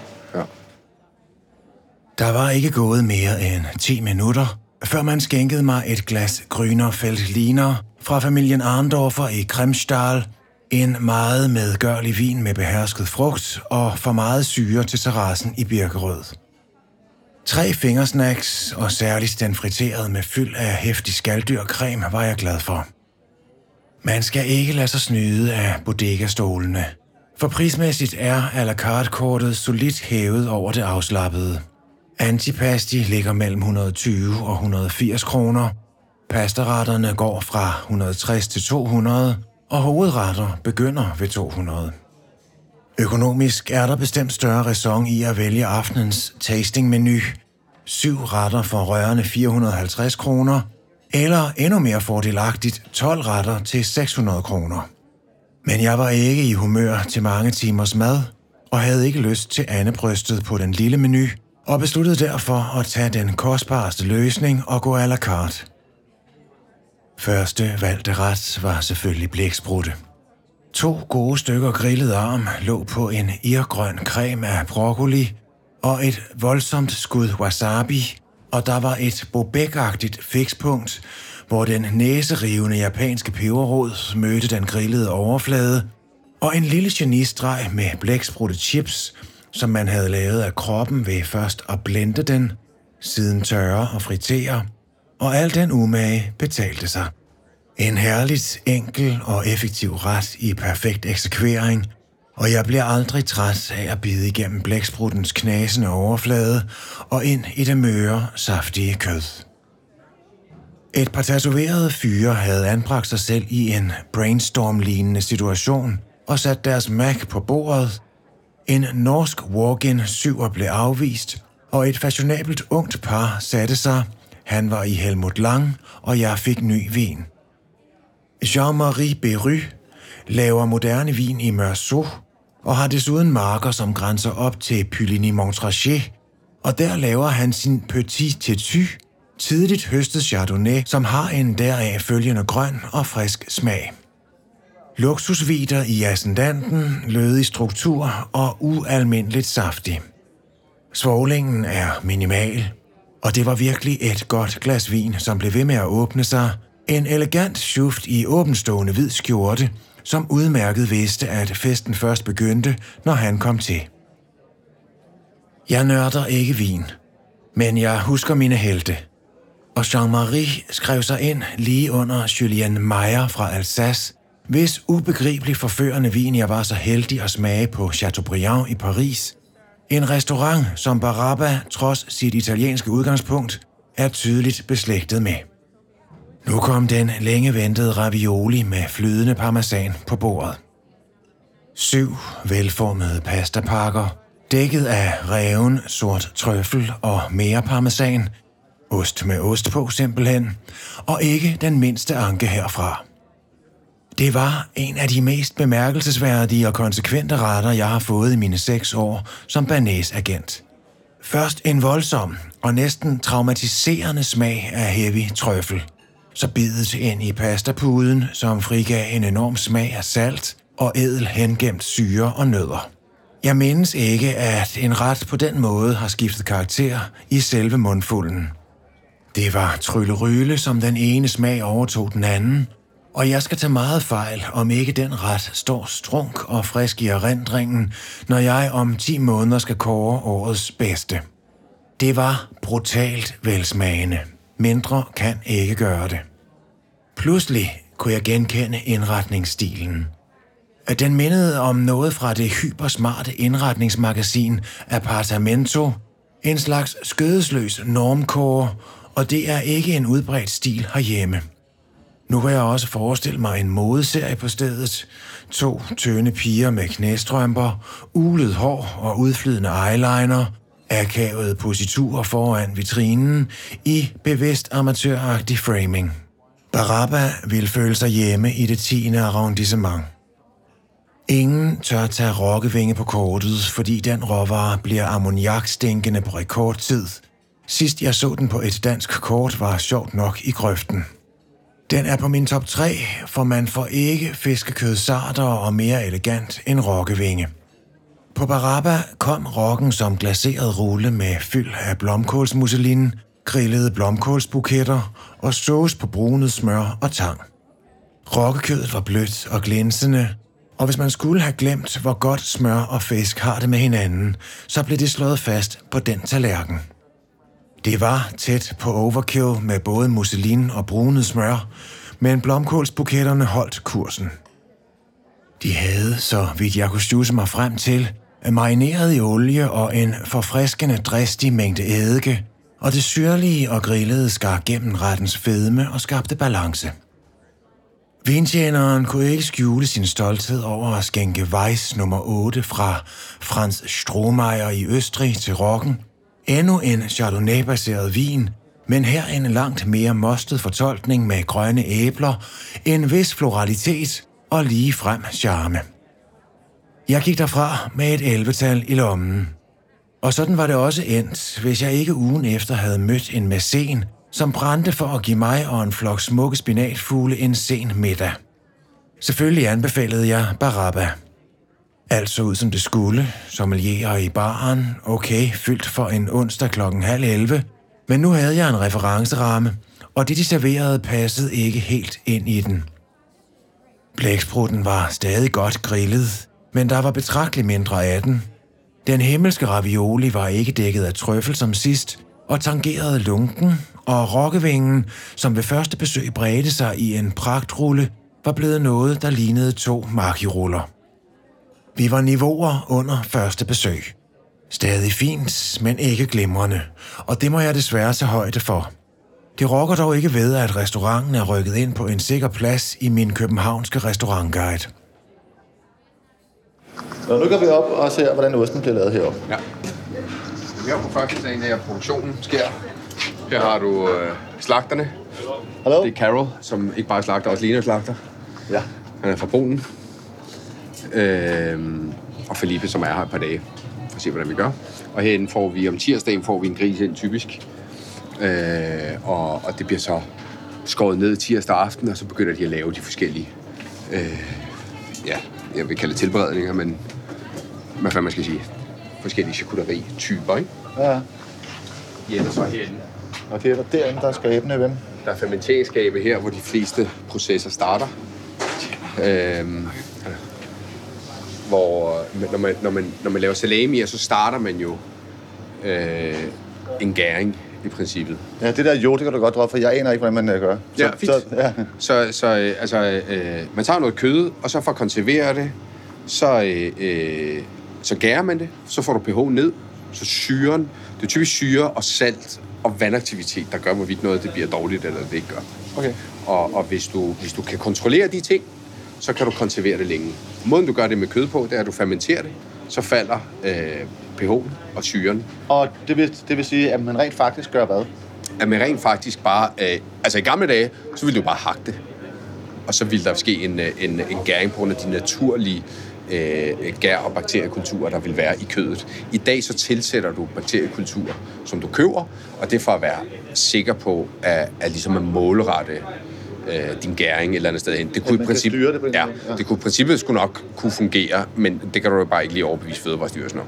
Okay. så, så det, er så lidt, det er så lidt den øh, vej, man skal gå. Og typisk så siger man, hvis du, hvis du har sådan et produkt, og du inden for 48 timer kommer ned under en pH på 5,2, så er du sikker på den del af det. Altså så er gæring foregået rigtigt. Okay. Så tilsætter man jo salt øh, for, for at konservere det, og det er jo alt efter, hvad, hvad det er for en type, omkring 2% salt, man tilsætter der. Øh, og det, det reducerer jo så vandaktiviteten ikke? i sig selv, og så tørrer man det så til sidst. Ikke? Så gæring starter her, 48 timer, øh, pH'en den falder, vi er ligesom home free på det her, og så har du sådan lidt et underligt, det, det er jo råt kød, det smager noget, fordi der, der, gæring udvikler jo smagen, og det er det, pointen er. Øh, men men, men øh, hvad kan vi sige, konsistensen er lidt lige lovligt meget tættere på noget råt kød, til at man egentlig vil nyde det, ikke? Mm. Men så tørrer man det jo så, for så at smide øh, øh, resten af væsken, ikke? Og så det er jo så det, der foregår herinde. Og der hænger de så altså... Der hænger de så, og der skal man jo så ind og tabe typisk 30-35 procent af vægten. Og det sker jo så bare i en fordampning, som så gør, at du har noget, der er spiseligt og i Og, orden. og så er det meget tættere. Og, Ja. ja. Og det kan du så se. Altså, hvis, du, hvis du laver noget, hvor du tillægger kødet så meget værdi, som man gør med det her, så skal man i min optik starte med den ypperste kvalitet. Og for mig er den ypperste kvalitet inden for gris, det er noget, vi har fundet, og det er Hinton-grisen på, på Fyn. Ikke? Og det koster spidsen. Men, men så får du altså et produkt i den sidste ende, der er, der er bedre, end vi ellers ville kunne gøre det. Så er der ostemageri her. Og det er øh, Hallo. Jan og Ed, som står her og, og laver ostene, og det gør vi, øh, det gør vi dagligt. Øh, vi har... Hvor mange liter mælk i dag? Hvor mange liter? 111 liter mælk. Så prøv, prøv, prøv at, at tage proce- processen helt, og det er måske det, Processen det starter øh, øh, om morgenen omkring ved en, øh, 8-tiden eller så. Så får vi sat mælken over. Øh, man varmer mælken op til øh, omtrent de 38 grader. Når man øh, har øh, mælken der, så tilfører man bakteriekultur igen. Og øh, øh, løber mælken. Når man løber mælken, så tilfører man osteløben, som er et enzym, som man finder i kalvemaver, typisk. Øh, med mindre man vil lave en vegansk ost, og man bruger noget genmodificeret lort, der kommer fra en eller anden svamp et eller andet sted, som man så genmodificerer, og så får, får til at give øh, mere eller mindre det samme resultat. Øh, så lader man osten gære ved samme temperatur, 38 grader, i en øh, ja, 4, 5, 6 timer, alt efter hvad det er for en type ost, man laver. Så vil du have, øh, at når osten den løber, så, øh, øh, så bliver det til en gelé, øh, og den skærer man. Det vil sige, du har en gelé, som er den bedste panna cotta, du har, du har smagt i hele dit liv. Du kan forestille dig sådan en konsistens. Den bliver skåret i tern. Hvis du så vil lave en parmesanost, der skal læres og tørres, så laver man, øh, så laver man øh, små riskorn nærmest. Man hakker det. Øh, hvis du vil lave mozzarella, så laver du store tern, fordi du vil have en saftig friskost. Ikke? Så man laver store tern, og det er, undskyld, det er de tern, der ligger gære i vallen i 4-5-6 timer. Ikke? Okay. Så man skærer efter en halv times tid cirka, og så ligger det og gør færdig. Og det her, det er så, det er så øh, ostemassen nu, som ikke har været, øh, som ikke er strukket, men den har været gæret. Ikke? Og hvis du smager den, så vil du kunne smage, at den er, den er forholdsvis syrlig.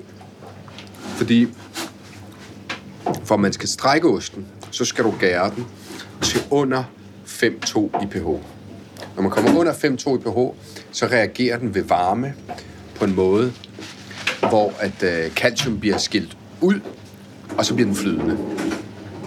Så det, der så sker, det er, at øh, man hakker den her op, øh, selve ostemassen, man hakker den op i mindre stykker, tilsætter salt, og kommer dem op i den her skål her. Og så er den med stor. Og så står han nemlig og strækker den. Først har han hældt vand på, så han kan, Det er så han gang kan, med skal han kan smelte den. Ikke? Og så strækker han den ved, at han ligesom samler den, øh, når den er blevet så varm, som den er, til den her, det ligner øh, en, en, en blød brøddej, Ja. som er helt lys, lysegul, øh, som man så kan strække i nogle lange bånd her. Og det er sådan, du ligesom får skabt... Mozzarella, det bliver smeltet to gange. Det er ligesom det, der er. Først, først så, så bliver det smeltet her, og så bliver det smeltet på pizzaen bagefter. Ikke? Det er fuldstændig det samme, der sker. Øh, fordi en anden type ost smelter heller ikke på samme måde. Altså det der stræk, du får fra en mozzarella, det er, fordi det er en strukket ost, som har været behandlet på den her måde her. Ikke? Når de så har samlet den sammen, så øh, skal de have hænderne i noget utrolig koldt vand, og så tager de ellers fat, og så former dem til de her kugler her. Det er det, det vil gøre nu. Skal Det er det, lige det gør nu. Og de, de, de tager den strukne ost ned fra sådan et stålfad. Det er selvfølgelig ikke øh, nogle mærkelige snavsede træfad, der her. Det er stål, det hele, ja, ikke? ja. Og så former den til kugler, Til kugler. som er dem, som er, så er Det er mozzarella. det er simpelthen det, man kender. Ja. Og den øh, bliver øh, lagt i lidt isvand, for lige at den kan få formen. Øh, fordi hvis du bare lægger den her... Tænk at småvarme på det her, hvis. Øh, åh, det tænker jeg også. Se her, hvis man... Du, du skal lige prøve at røre ved det også. Du kan mærke Ja. ja. for det første, hvor varmt det er. Ja, Altså, og, det er sådan, hvad, hvad er det? En Altså, den, 45 den skal op over 80 grader jo. Kan den det først? Ja, fordi det er jo måden, vi pasteuriserer den på. Når man så former den, når du så først for alvor stikker hænderne ned i det der, så bliver det seriøst varmt, ikke? Fordi du, du bliver ved med at, med at arbejde med det. Men hvis man bare tager den her, og så lægger den... Bare tager en lille en, og ligesom lægger den, så vil den blive flad som en pandekage. Øh, fordi at, øh, at den ikke ligesom med kulden kan få lov til at blive formet. Ikke? Så de lægger det er dem i- først det, den gør, når den- når de lægger dem i isvand. Øh, for, for lige at tage form, og så tager vi dem op af isvand og kommer dem i en lage, som er lavet på det her vand her, som vi trækker fra, når det er, vi har, vi har, vi har strukket den. Ikke? Så du kan prøve, hvis du, det her, det er den, den friskeste mozzarella, du, du nok kommer til at smage. Det er virkelig, virkelig sjovt. ja.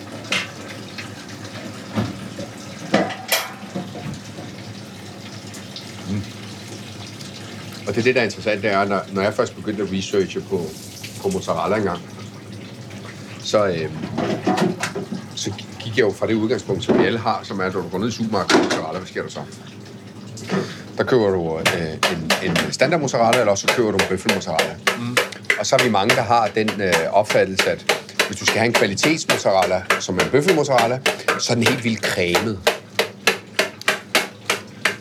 Så øh, begyndte jeg at rejse efter det i Italien, og begyndte at, øh, at se øh, mejerister gøre det, begyndte at arbejde med mozzarellaen. Og så begyndte jeg at forstå, at øh, tegn på, at mozzarellaen er frisk, det er ikke, at den er cremet. Det er, at den er fast, Ja, og den er er- elastisk. Ja. Den cremede mozzarella, som du får i, i supermarkedet, det er, fordi den er 28 dage gammel. Mm. Så, så øh, mit, mit store, øh, min store udfordring, da vi startede her, og begyndte at lave mozzarella frisk hver dag, det var jo, at folk som parameter for den bedste mozzarella, havde den der cremede bøfmozzarella nede fra supermarkedet. Så folk de kom jo og sagde, "Men den er jo ikke cremet, den her. Jeg siger, nej, men det skal den ikke være. Og når man smager den, sådan her, øh, helt, helt varm, skal vi se, i gang med at hakke den op her til næste batch, ikke? hvor den skal smeltes. Øh, når man smager den helt varm, så kan du mærke den der lidt elastiske øh, øh, øh, ja. karakter, den har, øh, som så efter et par timer bløder en lille smule op, og der, hvor jeg synes, den er allerbedst, det er sådan omkring en 7-8-tiden i aften. der har vi jo så også øh, i fire år haft øh, køer, hvor vi selv har hentet mælken, hvor vi selv har haft den baseret på råmælk og selv har haft lavet det. Ikke? Så der er vi jo også gået et, et skridt videre, end, end, øh, end jeg tror, nogle andre ville, ville gøre det. Og det er det i for mig, at der, der, der, der virkelig er noget interessant, fordi vi har arbejdet med det fra rå af. Mælk har været rå fra start, og det er jo der, jeg har for 3-4 år siden, det må have været før 16, det har nok været 15 engang, der øh, øh, begyndte jeg at tænke over, når man, når man nu strækker osten i, øh, i, øh, i varmt vand, mm. pasteuriserer vi den så? Fordi på, på det tidspunkt, måske et par år før, blev det muligt for restauranter at bruge rå mælk i køkkenet, hvis du selv pasteuriserer den. Ja. Og, og det, det kræver bare, at den er, det er varmt nok, ikke? Ja, så pasteuriserer, så skal du op over øh, en vis temperatur i en vis rumtid, for at den officielt er det. Ikke? Og jo højere temperaturen, jo kortere tid. Øh, men hvis man vil være helt home free, så skal du lige over 80 grader, så er du i hvert fald helt, helt hjemme. Ikke? Og, og så prøvede vi ligesom lige at måle øh, temperaturen på den her, når den bliver strukket. Og den var jo over øh, de 80. Og så var det sådan, okay, det har åbnet op for noget. Nu behøver vi ikke at gå til et mejeri for at købe mælken. Som skal, Så skal jeg og håndtere. Så kan, vi, så kan vi komme helt ned i bunden af det, og selv have med det at gøre. Og så købte vi otte køer. vi gik i gang med det, og det var 16. Vi startede med det, med otte jeres i køer. Men altså, prøv at høre, hvorfor er det... Hvorfor er du så grundig, skulle jeg, skulle jeg sige? Altså, er det fordi, du vil have det, det, det gælder på det, at, at du vil have det bedst muligt ud af det, eller er det fordi, du synes, det er sjovt, eller er det fordi, du kan tjene penge på det? Altså, øh, øh, hvis, jeg, hvis jeg ikke kan tjene penge på det, så kan jeg ikke lykkes med det. Mm. Det, er sådan, det, er sådan, det er sådan noget, jeg har lært. Hvis du ikke har en pragmatisk tilgang til at tænke nogle ting sammen i nogle sammenhænge, hvor, hvor det økonomisk er bæredygtigt, så forbliver det en, en drøm. Mm. Altså, så hvis, du skal, hvis du skal gøre drøm til realitet, så skal du have tænkt den vinkel med, ellers så bliver du spist levende. Det, det, har, det, har jeg, det, har jeg, det har jeg lært. Det er ikke det, der motiverer mig til at gøre det. Det, der motiverer mig til at gøre det, er øh, en nysgerrighed over for råvaren og processen, der ligger bag. Og jeg, øh, øh, når jeg kigger til, igen tilbage til, til, til, til min barndom, min forståelse for madlavning og sådan noget dengang, så øh, øh, har, øh, har jeg nogle meget kære minder om, om tomater, der blev dyrket ude bag i af min, min faster. Vi havde ligesom, vi havde ligesom et, et, lille, et lille areal bag vores hus på Sicilien, ikke i Danmark. Med sådan nogle terrasser ud til motorvejen, ikke? Altså totalt dødssygt sted. Men hvor vi ligesom havde tomater, vi havde auberginer, vi havde ferskner, vi havde bekoser. Øh, min far havde nogle fugle, min faster havde nogle høns, der var nogen, der havde to geder. Det, som man i dag nok vil kalde for urban farming. Dernede, så har det bare været helt almindeligt, at du både havde citrontræer og sådan lidt par høns og sådan noget. Ikke? Øh, og når jeg siden i, i en lidt ældre alder kom tilbage til Sicilien, så har det der altid været noget af det, som jeg virkelig gerne ville. Det var, at jeg ville, jeg ville se tomaterne, eller jeg ville være med til at lave passata, hvor man konserverede tomatsovs, eller jeg, jeg, ville, jeg ville opleve nogle af de her sådan lidt rurale gastronomiske ting. Ikke? Øh, og det er der, jeg finder øh, min inspiration til at lave maden. Det er sådan helt tilbage til kilden af det, og det er der, min fascination for landbruget ligesom er. Fordi for mig at se, så øh, øh, er, der, er der nogle elementer af, af det her håndværks landbrugsmæssige, som er, som er noget helt særligt, øh, og som jeg, som jeg ikke nødvendigvis ser afspejlet i den øh, toppen af gastronomien. Øh, på den måde, som jeg synes, det skal gøres. Men der er noget, som jeg kommer til at tænke på her, ikke? det er, at hvis, hvis man nu tager det der nordiske manifest, som Noma var med til at lave her for mm. Øh, 17 år siden, der, så taler man jo om, at man skal sådan, sådan lige oversat, man skal spise det, som man kan se fra sit vindue. Ikke? Og jeg har altid tænkt, prøv at sige det til en anden mor på 62 fra Puglia. Du skal spise det, du kan se ud på din marker. Øh, øh, ja. Ja, det er det, Altså, ja. ja, ja. Hvad, hvad, hvor, er- hvor, er det, hvor, er det, Ja. hvor er det nye hen? Det vil sige, du Ja. kommer jo ligesom fra noget, hvor man altid Ja. har gjort sådan. Ikke? Ja, fuldstændig. Altså. Og det er også det, det, er også det der er så, så, så paradoxalt med, med det her nordiske manifest, som blev til en helt ny bevægelse, som har haft givet kæmpe stor genklang alle steder i hele verden, at der var jo ikke nogen, der sagde noget nyt. Nå, Fordi ikke, det, det, det, det blev bare sagt et nyt sted. Ja. For det blev sagt til nogen, som indtil der ikke havde gjort det. Og det er det, som jeg, som, som, som jeg virkelig tænker har været den store forskel, det er, at, at København før det var en masse kokke, der gerne ville være næsten lige så gode, som man var i Paris, til en masse kokke, der fandt ud af, at her kan vi fandme også noget selv. Mm. Og så skabte man ligesom en, en, en helt ny diskurs, en helt ny måde at se det på, og man skabte noget, som blev unikt, som du ikke kunne finde i Paris. Og så skulle man lige pludselig København for at finde det.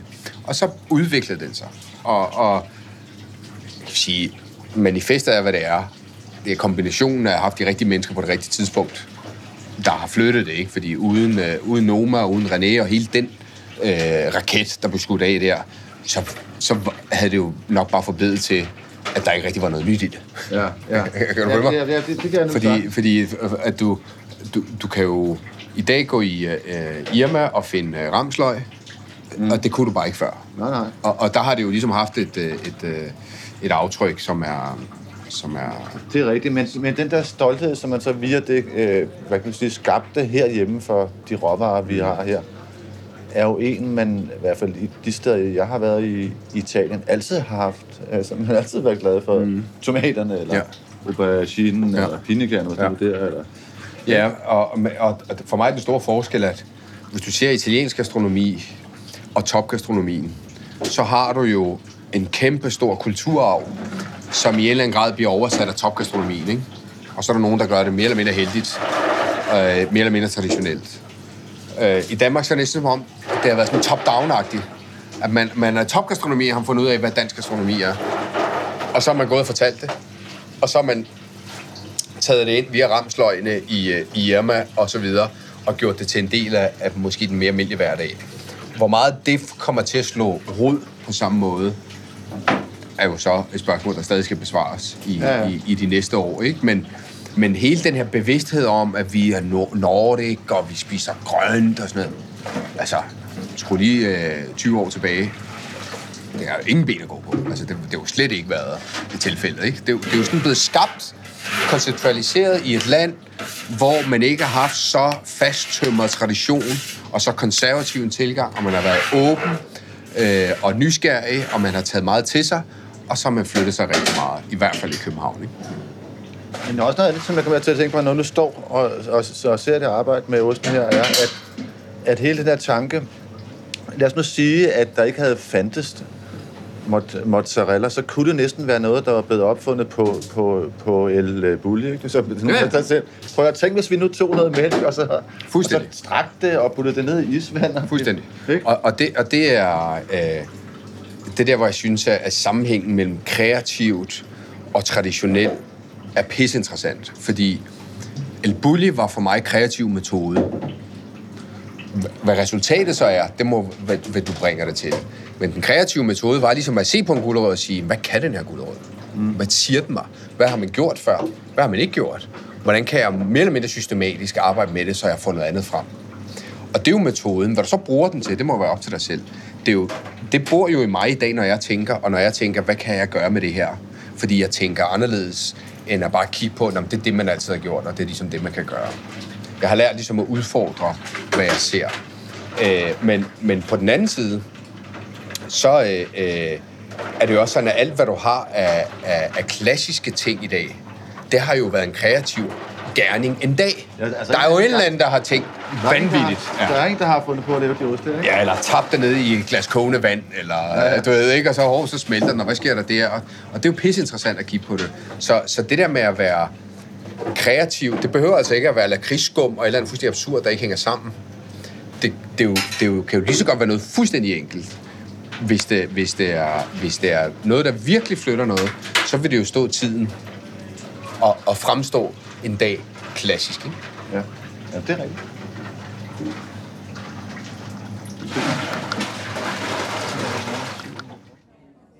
Konklusion. Baraba er en funky storbyrestaurant, som minder mere om hip Paris end dansk bistrobølge.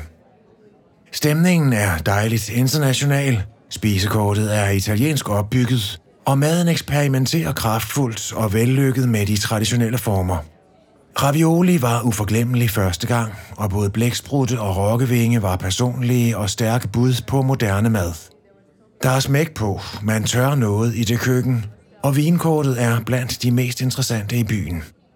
Første besøg var to retter til et tital og en til 13. Ved andet besøg var det ni over hele linjen. Baraba i Stor Kongensgade får et tital, og jeg glæder mig til en dag, hvor jeg kan vende tilbage.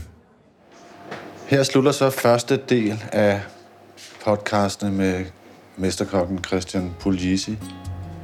I næste uge fortæller han om at tage chancen og sige ja til et job som souschef på en opkommende restaurant ved navn Noma. Så skal vi høre om, hvordan det var at opbygge en restaurant i Jægersborgade, der på det tidspunkt var en ret hård gade. Ude foran vinduet var hashhandlere, som talte pengene nede foran døren ind til restauranten. Og så er jeg meget eksotisk på denne tid i Berlin for at spise på vegetarrestaurant. Vi høres ved i næste uge.